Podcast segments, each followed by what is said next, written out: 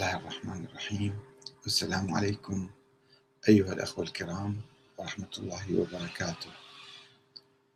موضوع حديثنا اليوم عن جذور الاستبداد في الفكر السياسي السلطاني الذي يسمى بالفكر السني. وقد كتبت بذلك آه، كتابا قبل حوالي عشر سنوات تحت عنوان تطور الفكر السياسي السني نحو خلافة ديمقراطية. فالفكر السياسي السني ليس فكرا واحدا إنما هو فكر مذاهب عديدة ويعني أحزاب عديدة وتيارات مختلفة متصارعة وليس فكرا واحدا.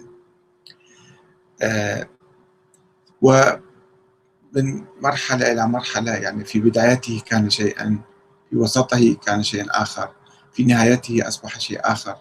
خلال المئة سنة الأخيرة مثلا آه، تطور الفكر السياسي السني من آه، معالم الاستبداد وتبرير الظلم والاستيلاء آه، على السلطة بالقوة إلى فكر ديمقراطي. يعني تأثر بالفكر الديمقراطي وعاد إلى نظرياته الأولى القائمة على الشورى وعلى وكالة الحكام آه، عن الأمة ونيابتهم عن الأمة. وهذه مبادئ موجودة في التراث الفكر السياسي السني القديم. ولكن ما هو متعارف عليه؟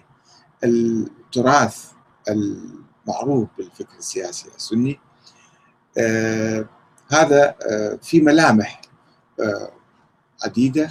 و وفي يعني نقاط يجب التوقف عندها لأنها تؤثر على حركة التغيير في العالم العربي والإسلامي.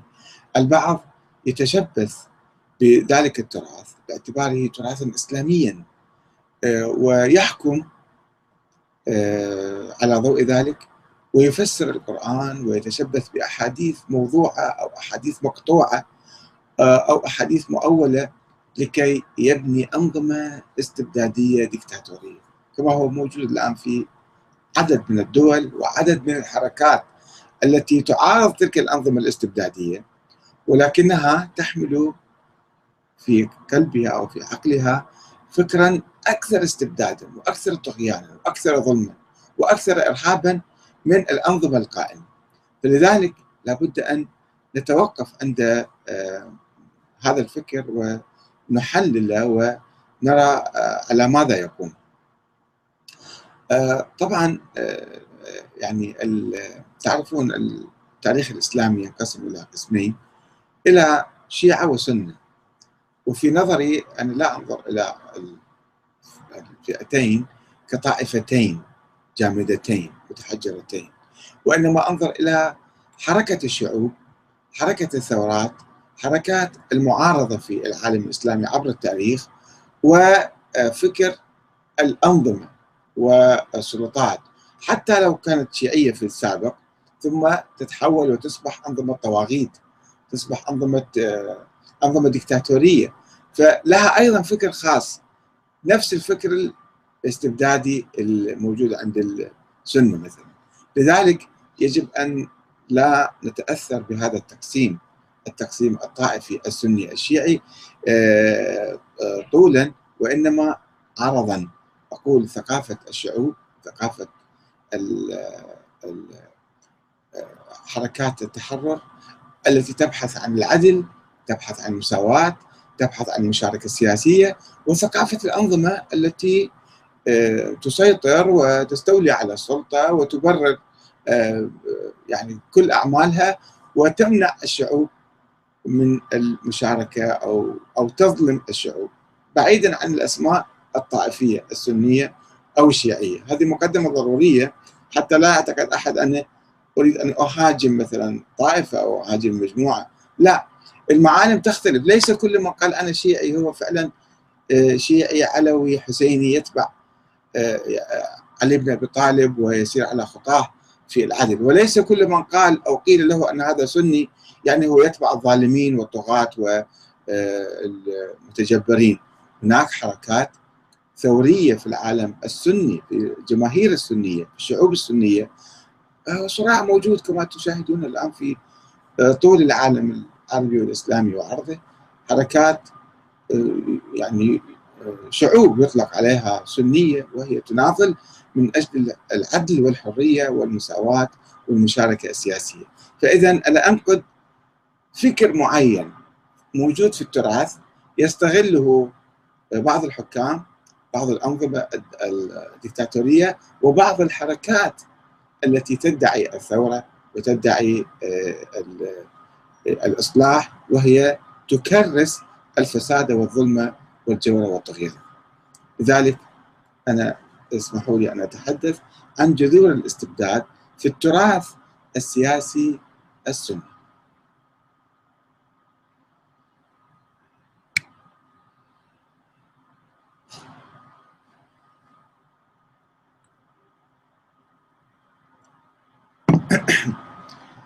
بسم الله الرحمن الرحيم. جذور الاستبداد في التراث السياسي السني. تناضل الشعوب العربية والإسلامية من أجل إقرار أنظمة عادلة. تقوم على أساس الدساتير الديمقراطية ومحاربة الاستبداد وذلك بتقسيم السلطة إلى تشريعية وتنفيذية وقضائية تنتخب هذه السلطات من الشعب بصورة مباشرة أو غير مباشرة وتكفل الحقوق والحريات العامة. هذا هدف عام لكل الشعوب الإسلامية. وبالرغم من مضي أكثر من قرن على نضالها من أجل العدل والحرية والديمقراطية إلا أن بعض الحركات الإسلامية تعود بها إلى الوراء إلى عهود الظلم والاستبداد والدكتاتورية. وذلك بما تنظر له من أفكار استبدادية مغلفة باسم الإسلام وقائمة على تأويل بعض آيات القرآن الكريم تأويلا تحسفيا. مدعوما بتجارب الحكام والخلفاء السابقين الأمويين والعباسيين والعثمانيين وفتاوى وعاض السلاطين المتحالفين مع الحكام الذين كانوا ينظرون للظلم للاستيلاء على السلطة بالقوة لكل إجراء من الحكام. على رغم وجود تفسيرات عديدة لآية الطاعة آية الطاعة معروفة. وهي يا أيها الذين آمنوا أطيعوا الله وأطيعوا الرسول وأولي الأمر وأولي الأمر منكم. فإن تنازعتم في شيء فردوه إلى الله والرسول تكملة الآية. ولكن الحكام والطواغيت دائما يقطعون هذه الآية ويستغلون المقطع الأول منها على على طريقة آه، لا تقربوا الصلاة. نفس الشيء آه، يقولون بأن المقصود من أولي الأمر من هم أولي الأمر؟ العلماء أو الأمراء. الآية أساسا هي كانت آه، الأمراء اللي كانوا في عهد الرسول كان يعينهم الرسول فكان يأمر بطاعتهم. ومع ذلك كان يقول إذا تنازعتم كان عندما يرسل سرية مثلا ويعين عليها أميرا من عنده شخصيا وإذا حدث تنازع في الطريق يقول ارجعوا إلى الله والرسول. فإذا كيف الحكام الذين يستولون على السلطة بالقوة من دون أي تعيين ومن دون أي يعني آه، سند شرعي؟ وحتى الذين يعني ينتخبون بصورة شرعية إذا آه، حدث خلاف بينهم وبين الأمة فلا بد من العودة إلى الله والرسول عبر محاكم معينة. وأن الطاعة لأولي الأمر هاي الآية تقول أن الطاعة لأولي الأمر هي في حدود الكتاب والسنة ومشروطة بالعدل والتقوى. برغم هذا التفسير البديهي والأولي للآية القرآنية الكريمة فإن الفقهاء السنة القدماء حددوا المعنى بالأمراء. قالوا يعني مو العلماء الأمراء أكثر شيء. الآية تشير إلى يعني تحتمل العلماء والأمراء؟ قالوا لا تعني الأمراء يعني. ومنحوهم سلطة مطلقة في الإدارة والتنفيذ والتشريع والقضاء وإعلان الحرب والسلم بغض النظر عن التزامهم بالعدل أو الشورى خنجي إلى مجموعة من كبار العلماء الذين كتبوا في الفقه الدستوري ماذا يقولون؟ قال الماوردي صاحب كتاب الأحكام السلطانية معروف كتاب في القرن الخامس الهجري. قال إذا استقرت الخلافة لمن تقلدها بأي طريقة كانت؟ إما بعهد أو اختيار. هو كان الماوردي كان متأثر بالفكر الاعتزالي المعتزلة كان يعني شافعي وكان يميل إلى المعتزلة ولكن آه، طبعا المعتزلة كانوا محاربين في تلك الأيام وخاصة من قبل الخلافة العباسية القادر وابنه ف آه، يعني كثير استتيبوا وحوصروا وكذا. فالمهم هو كان يحاول أن يدس بعض النظريات الجيدة في الفكر السلطاني الموجود في تلك الأيام في كتابه الأحكام السلطانية. يقول بعهد أو اختيار. يعني لاحظوا